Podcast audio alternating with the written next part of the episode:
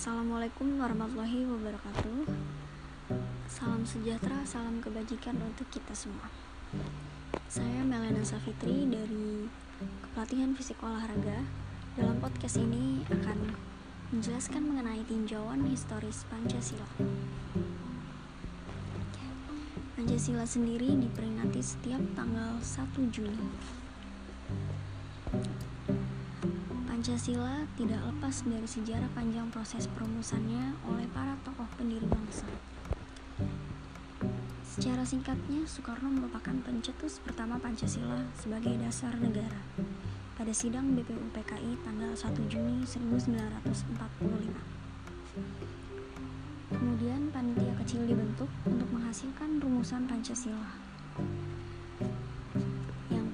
setelah itu dibentuklah panitia 9 yang diketuai oleh Soekarno yang bersidang pada tanggal 22 Juni 1945 yang kemudian menghasilkan rumusan yang dikenal dengan Piagam Jakarta. Panitia 9 sendiri merupakan inisiatif dari Soekarno dalam menjaga keseimbangan antara kelompok kebangsaan dengan kelompok Islam karena pada panitia 8 sebelumnya terjadi kesenjangan jumlah atau proporsi anggota antara anggota antara kelompok kebangsaan dengan kelompok Islam. Yang mana kelompok Islam memiliki anggota sedikit yaitu hanya dua anggota saja. Untuk itu dibentuklah panitia 9 proporsi anggota kelompok antara kebangsaan antar kelompok kebangsaan dengan kelompok Islam seimbang. Kemudian pada tanggal 18 Agustus 1945, rumusan teks final Pancasila oleh PPKI. Namun pada saat itu PPKI tidak mengesahkan Pancasila sebagai dasar negara karena ia hanya mengesahkan undang-undang dasar serta mengangkat presiden dan wakil presiden.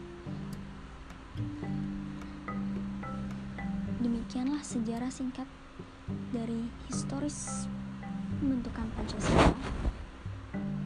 Maka dari itu, Pancasila sebagai ideologi yang bersifat dinamis dapat berkembang sesuai konteks perkembangan zaman serta bersifat terbuka dan luas sehingga dapat terus diterima sepanjang zaman sekarang maupun yang akan datang dan Pancasila sendiri memiliki sifat yang tidak kaku.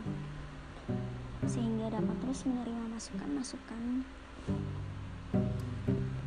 dari nilai-nilai masyarakat lainnya. Demikian podcast yang bisa saya berikan malam ini. Terima kasih semoga bermanfaat. Wassalamualaikum warahmatullahi wabarakatuh. Salam sejahtera salam kebajikan untuk kita semua Mm-hmm.